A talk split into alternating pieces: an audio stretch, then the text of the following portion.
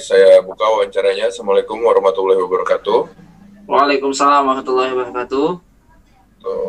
Sebelumnya terima kasih untuk Mas Remi udah bersedia hadir untuk wawancara dalam pemenuhan tugas analisis isu sosial yang membahas tentang pengesahan Omnibus Law UU Cipta Kerja di saat pandemi.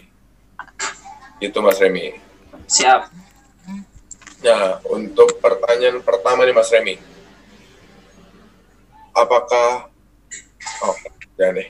Kenapa pemerintah melakukan pengesahan UU Cipta Kerja di saat pandemi? Oke. Uh, ini bahasannya formal apa enggak nih? Asik ini. Bebas. Bebas. Oke, siap. Nanti diolah lagi kan ya? Siap. Oke. Kalau dari gue ya, berpendapat perihal Undang-Undang Cipta Kerja ini kenapa disahkan di saat pandemi, tentunya memang ada uh, kepentingan di balik itu semua. Ya, kita nggak nggak apa ya, uh, nggak menafikan jika memang di dalam politik itu mereka yang berkuasa, mereka yang memiliki kepentingan itu sendiri. Dan salah satunya yang menjadi poin penting kenapa akhirnya kita mencurigai hal-hal yang sebenarnya memang realitanya di lapangan pemerintah ini bisa dikatakan aji mumpung ya. Di saat pandemi ini semua perlawanan itu agak meredup, bisa dikatakan bukan meredup, tapi lebih uh, mengondisikan uh, masa aksi yang barangkali itu kita nggak bisa lagi dempet-dempetan. Dalam artian dempet-dempetan di sini lebih ke arah uh, manajemen aksi yang biasanya kayak gitu. Dan dan keadaan pada saat ini di saat pandemi semuanya bertaruh soal bagaimana cepat-cepatan untuk mengesahkan undang-undang gitu undang-undang yang bisa dikatakan ada kepentingan di balik itu semua. Kenapa kayak gitu? Karena kalau kita melihat ya banyak uh, polemik undang-undang yang masih dipertanyakan, masih uh, apa namanya ditarik ulur uh, dan juga malah mengutamakan undang-undang yang di mana sebenarnya ini baru rumusan ketika Presiden Joko Widodo itu dilantik kayak gitu. Nah, uh, dalam artian begini, kalau misalnya kita berbicara soal kepentingan politik di balik ini semua, tentunya rakyat atau masyarakat secara luas tidak bodoh, tidak juga naif, tidak juga uh, secara sampangan kita bilang kita semua selaku uh, polit apa namanya selaku masyarakat sipil itu tidak bodoh-bodoh amat lah dalam uh, kacamata politik melihat permasalahan yang ada di negara ini gitu. Nah, jadi persoalan kita melihat ngomongin ap apakah ada kepentingan di balik ini semua, menurutku ya tentunya ada. Gitu. Uh, ini perspektifku aja maksudnya kalau misalnya kita berbicara kenapa akhirnya disahkan di masa-masa pandemi toh kemarin waktu pas di dilantiknya Pak Joko Widodo di periode kedua beliau dengan semangat menyampaikan akan mengesahkan uh, dalam jangka waktu 100 hari atau tiga bulan itu gitu ini tuh nggak logis. Dalam rentetan uh, apa isi dari omnibus law undang-undang cipta kerja itu yang apa bisa dikatakan uh, ribuan halaman ya masuk ke ribuan halaman uh, ratusan eh, mohon maaf uh, apa namanya ratusan ayat ya. Pun bisa dikatakan gabungan-gabungan dari undang-undang yang disatukan itu. Sungguh nggak rasional kalau kita berbicara soal uh, perspektif hukum. Jika kompilasi-kompilasi undang-undang itu disatukan menjadi undang-undang uh, yang menyatu sehingga dengan takaran waktu yang sangat mepet, sangat sempit, sangat cepat gitu belum ada pembahasan di awal sebelumnya ketika pas Pak Jokowi itu memerintah di periode pertama, tetapi disampaikan dengan narasi beliau ketika dilantik di periode kedua uh, mampu untuk diselesaikan dalam jangka waktu tiga, tiga bulan lah atau satu hari tersebut. Nah ini yang jadi pertanyaan bagi kita semua. Uh, apakah ada akan akan kontrak ya sebelum akhirnya beliau itu dipilih menjadi presiden uh, Jokowi apa presiden Indonesia yang kedua maksudnya yang kedua kali Ya, ini jadi pertanyaan bagi kita. Uh, tapi kalau misalkan ditanya pendapatku, tentunya ada.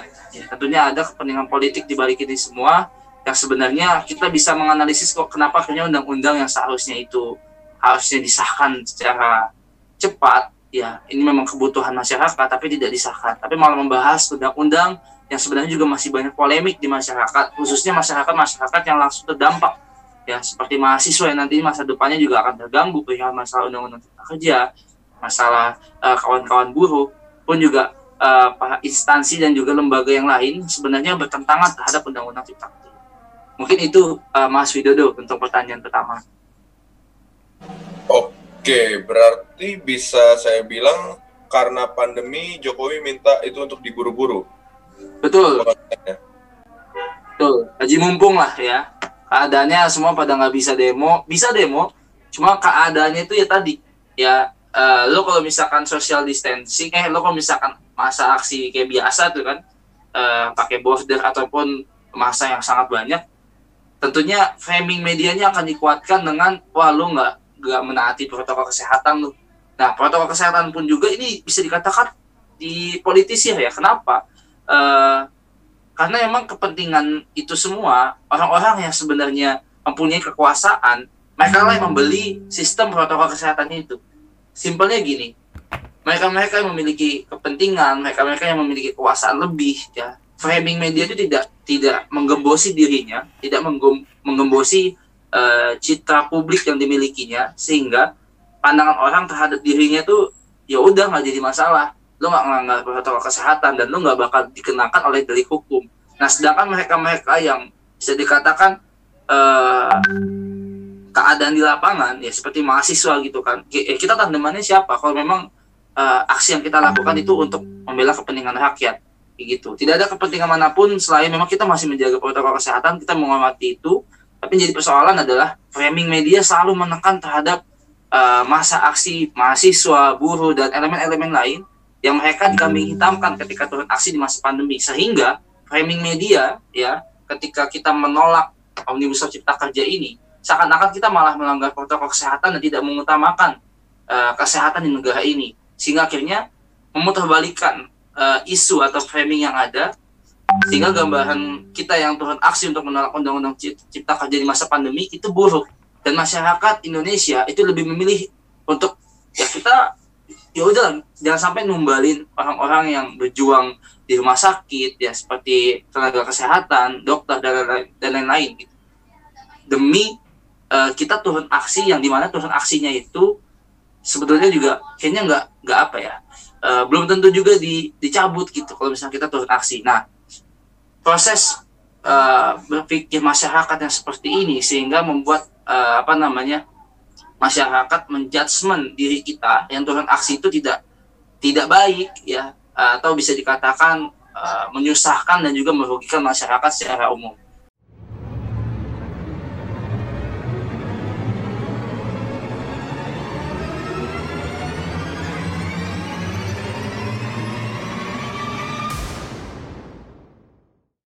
Oke, lanjut ke pertanyaan berikutnya Mas Remi.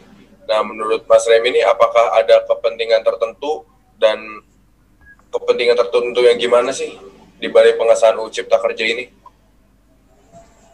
Oke, uh, menurutku ya, uh, satu sisi uh, di dalam politik itu pasti ada kesepakatan yang dibangun. Kesepakatan dalam artian ketika kita mengkampanyekan diri kita, tentunya ada apa ya, ada satu sokongan atau dukungan yang itu ada negosiasi yang di mana uh, pihak A dan pihak B selaku misalkan uh, paslon uh, presiden yang nantinya akan dimajukan ya ataupun wakil presiden tentunya dia nggak bisa sendirian. Dia tentunya nggak bisa menyokong dirinya sendiri. Karena dalam sejarah uh, NKRI ya di dalam perpolitikan negara ini tidak ada satupun uh, bisa dikatakan sokongan independen lah bahasanya. Mungkin kalau misalkan proklamator uh, isinya Soekarno ya, karena itu baru rintisan awal menjadi presiden. Tapi pasca dari situ tentunya sulit untuk tidak disokong dengan partai politik atau bisa dikatakan uh, suatu forum yang di mana forumnya itu uh, senasional ya kalau kita berbicara soal golongan karya zaman Pak Soeharto dipilih, kan ujung-ujungnya juga jadi partai politik. Nah, posisi ini kalau kita lihat uh, pasti ada kesepakatan yang dibangun sebelum akhirnya uh, Presiden Joko Widodo dan juga Maruf Amin itu uh, diresmikan. Ya, untuk deal-dealannya kita nggak tahu secara gamblangnya seperti apa, tapi yang jelas di dalam politik ini uh, ataupun dari skala negara ini hal yang wajar. Kenapa aku bilang hal yang wajar? Di dalam politik uh, negosiasi untuk kita membutuhkan suatu sokongan dana kepada pihak yang lain itu tentunya ada.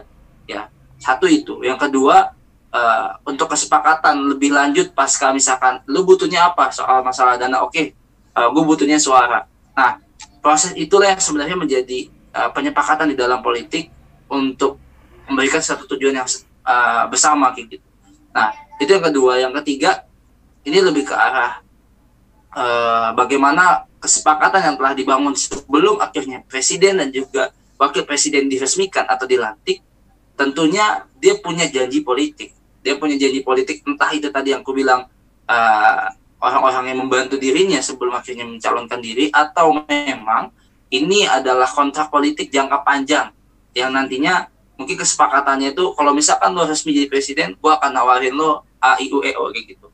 Dan itu menguntungkan uh, bagi negara ini ya perspektif menguntungkan di sini mungkin bagi para paslon dan juga para timnya di balik itu semua. Tapi pasca dari itu tentunya ada kesepakatan yang telah uh, disepakati antara satu orang dan juga satu orang yang lain atau satu kelompok dengan kelompok yang lain sehingga membuat suatu kepentingan yang dilihat oleh masyarakat umum itu sangat nyata kayak gitu.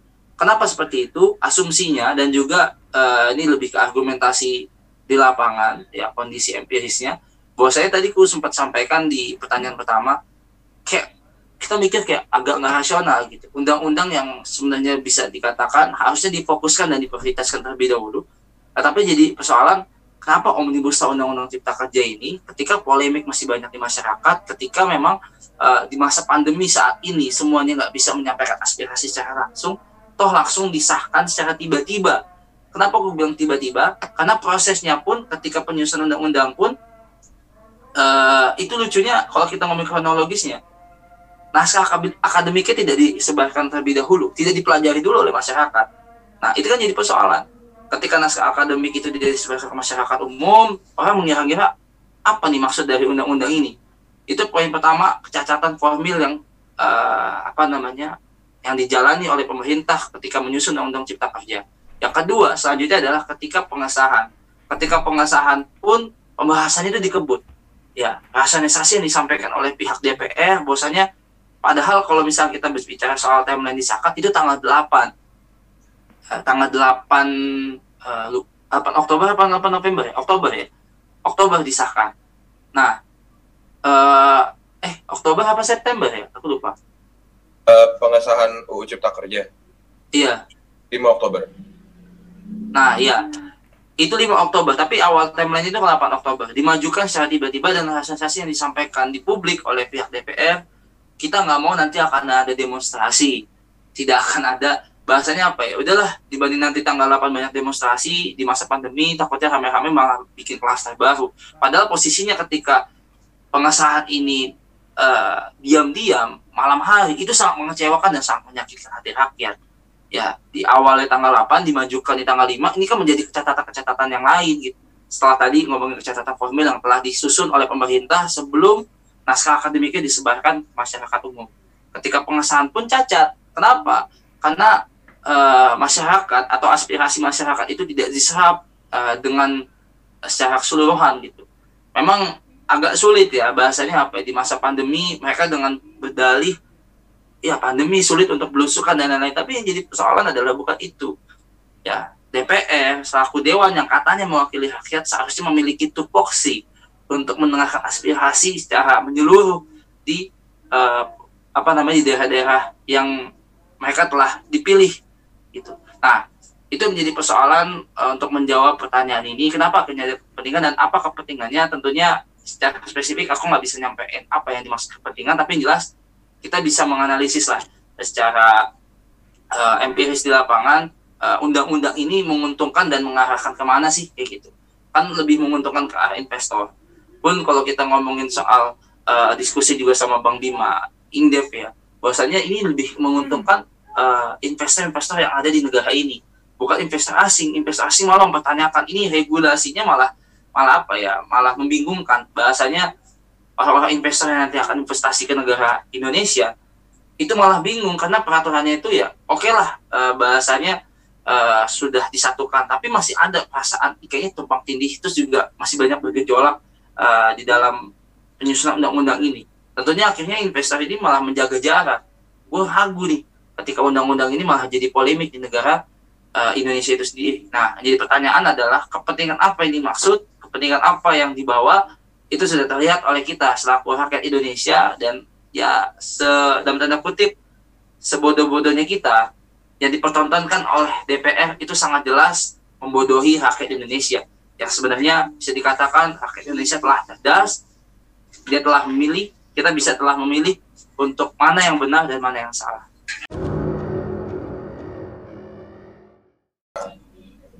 Baik nih, berarti udah sangat jelas pemaparan dari Mas Remi nih. Udah nggak perlu ada probing-probing lagi. Selanjutnya, uh, pertanyaan selanjutnya adalah, kenapa nih pengasahan UU Cipta Kerja ini bisa mengundang sebuah aksi massa atau demonstrasi di puluhan kota di Indonesia dengan estimasi demonstran puluhan ribu?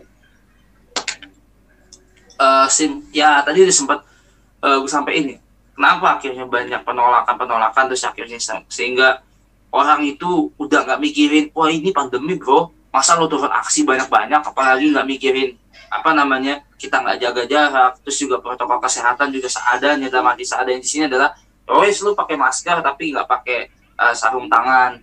Ya maksudnya bukan akhirnya kita uh, apa ya melupakan protokol kesehatan bukan. Tapi lebih ke kayaknya ada permasalahan yang lebih besar nih. Ada permasalahan yang lebih kompleks yang harus kita bela, yang harus kita utamakan terlebih dahulu, yaitu salah satu tujuannya, eh, salah satu caranya adalah kita turun ke jalan. Nah, kenapa sampai puluhan-puluhan ribu itu turun ke jalan ya, masa aksi?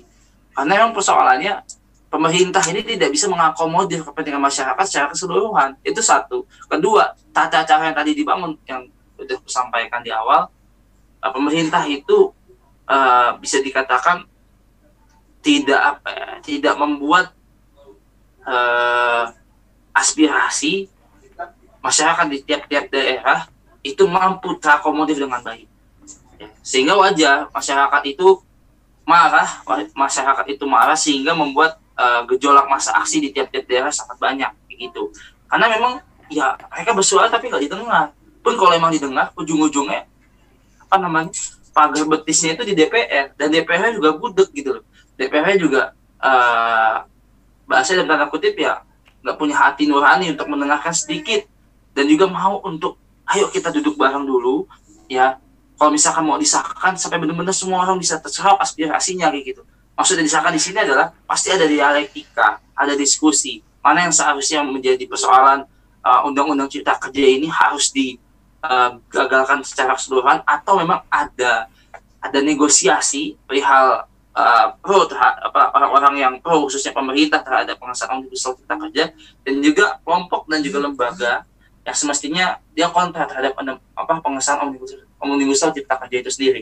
Nah, pemerintah gagal terhadap itu sehingga kekecewaan masyarakat tumpah ruah di jalan karena emang secara psikologi masa kayaknya gue mau dialektika perihal diskusi mau itu audiensi mau apa ya formalitas belaka gitu hanya sebentar apa hanya sebagai oke okay, RDPU diundang. Ujung-ujungnya nggak apa yang kita sampaikan di RDPU itu nggak jadi rekomendasi untuk dibawa ke apa pimpinan misalkan. Nah sehingga akhirnya udah mentok deh. Kita udah mentok masalah dialog. Ya makanya orang-orang mikirnya salah satu tujuan kita untuk turun ke jalan adalah bagaimana membangun pressure membangun tekanan yang membangun punch pada pemerintah itu sendiri. Jika memang aksi masalah menjadi salah satu uh, cara terakhir untuk kita menyampaikan aspirasi dan juga mengubah kebijakan.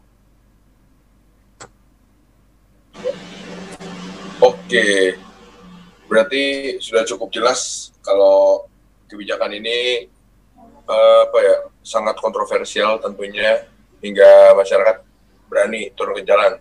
Nah, untuk pertanyaan selanjutnya nih Mas, kenapa dari kan masa banyak ya puluhan ribu ya, kenapa masa aksi yang puluhan ribu ini nggak ada pikiran atau tidak takut karena uh, tidak takut sama COVID-19 nih. Apakah UU Cipta Kerja ini lebih menyeramkan dibanding pandemi?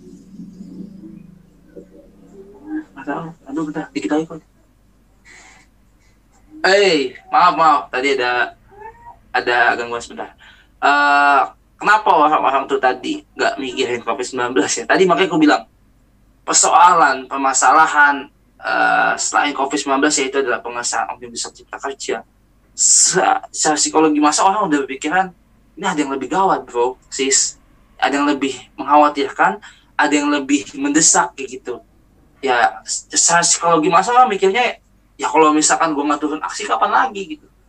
Karena lewat dialog tadi gue bilang, lewat dialog aja sudah buntu gitu. Sudah buntu, sudah nggak ada cara lain selain memang kita membangun pressure di aksi masa itu sendiri. Nah, pikiran gak kalau misalkan ini kan masih COVID-19, itu masih masih masa pandemi.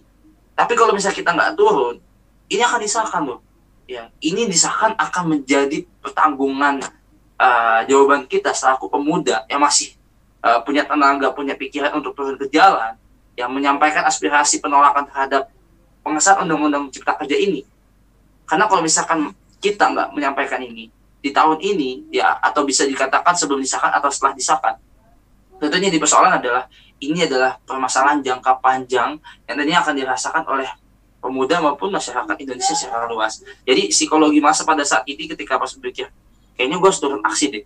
Karena pikiran mereka adalah kalau gue nggak turun, ya tentunya akan berdampak jangka panjang gitu loh.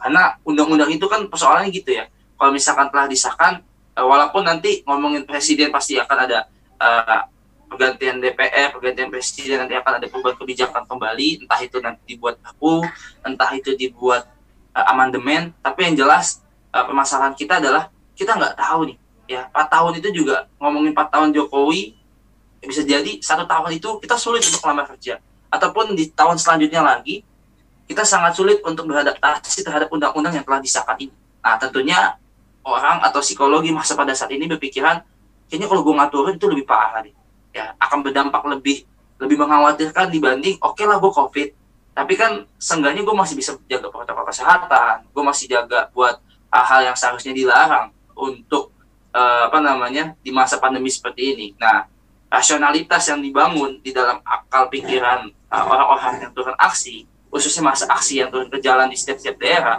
berpikiran ke arah sana memikirkan bahwasanya ada yang lebih parah, ada yang lebih mengkhawatirkan, ada yang lebih mendesak dibanding pandemi COVID-19 yaitu adalah pengesahan Omnibus Law Undang-Undang Cipta Kerja. Gitu sih Mas Yudo tuh. Oke, berarti gue simpulin ya dari awal sampai akhir nih. Pertama, pemerintah aji mumpung. Katakan mumpung lagi pandemi dan masyarakat tidak bisa keluar rumah ke mana-mana, mereka melakukan pengesahan. Karena mereka tahu UU Cipta Kerja ini adalah undang-undang yang kontroversial. Jadi pandemi ini dijadikan alasan untuk pemerintah mengejut investasi yang mana sebenarnya pemerintah itu tahu kalau ini bakal mengundang demonstrasi besar-besaran. Sebab gelombang penolakannya udah dari jauh-jauh hari. Nah, terus ke, selanjutnya adalah masyarakat lebih takut akan kebijakan UU Cipta Kerja dibanding COVID-19 ini. Gitu. Berarti kalau kesimpulan sudah tepat, saya mau ucapin terima kasih yang sebesar-besarnya buat Mas Remi Hastian, Presiden Mahasiswa ya. Universitas Jakarta. Uh, jika udah di kampus berkabar Mas, nanti kita kirim rewardnya. Gitu. Berarti halo, ada halo. ada yang mau ingin disampaikan lagi nggak Mas Remi? Cukup Mas Widodo, cukup. Oke, berarti wawancaranya saya sudahi. Terima kasih sekali lagi untuk Mas Remi Hastian. Saya bersama teman saya Kevin undur diri. Wassalamualaikum warahmatullahi wabarakatuh. Waalaikumsalam warahmatullahi wabarakatuh. Terima kasih atas kesempatannya Bang Widodo nih. Tetap eh. sukses. Tugasnya eh. dapat 100 lah.